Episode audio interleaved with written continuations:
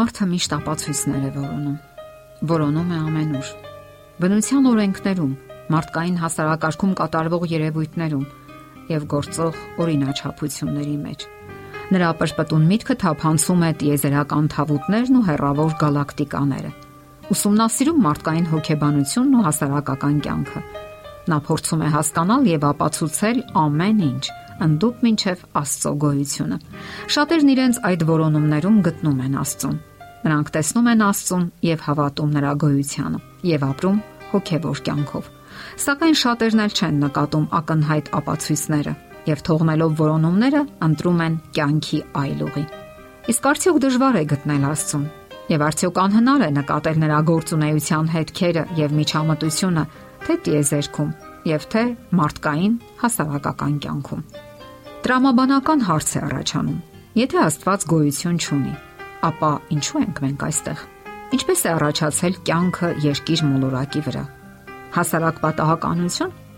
Իսկ հնարավոր է արդյոք, որ ոչնչից առաջանար մարդկային կյանքը իր բոլոր հետագա դրսևորումներով։ Երբ նայում ենք մեր շուրջ բոլորը,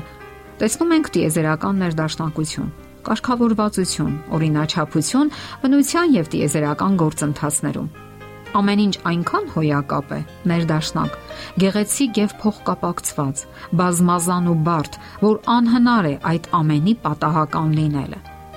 Բազմազան են մեր շրջապատող գույները, ձայները, բույրերը։ Ամեն ինչ կառուցված է հստակ մտածված եւ որոշակի նպատակով։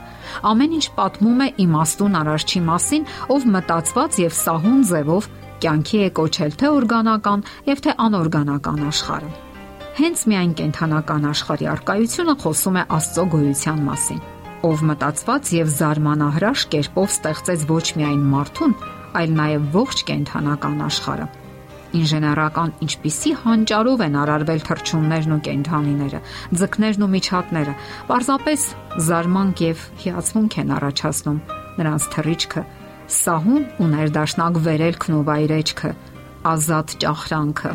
Ինչքան ճշգրիտ են չղջիկների ու դելֆինների էխոլոկացիոն համակարգերը։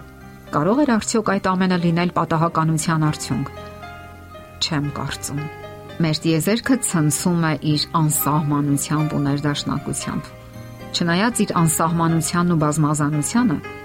այնտեղ ամեն ինչ խիստ կարգավորված է։ Միլիարդավոր գալակտիկաներ շարժվում են հսկայական արագությամբ եւ չնչին շեղում իսկ թույլ չեն տալիս իրենց այդ շարժման մեջ։ Նրանք շարժվում են հստակ գծագրված ուղեծրերով։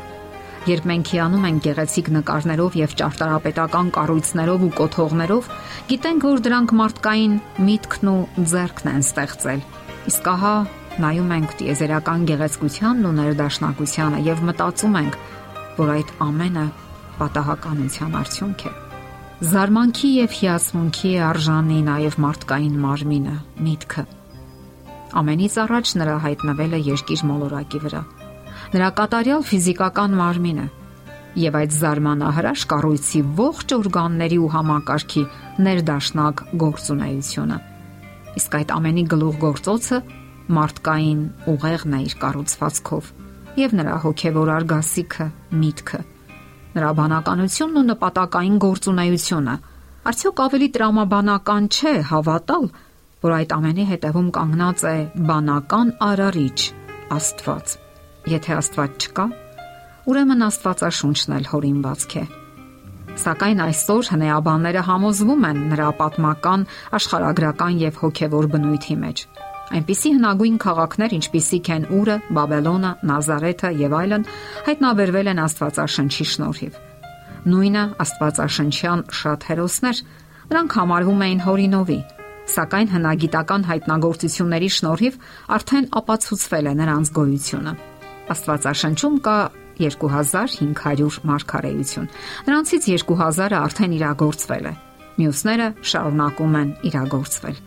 Մաթեոսի եւ Մարկոսի ավետարաններում Հիսուսը կանխագուշակեց, թե ինչ իրադարձություններ են տեղի ունենալու իր երկրորդ գալուստից առաջ։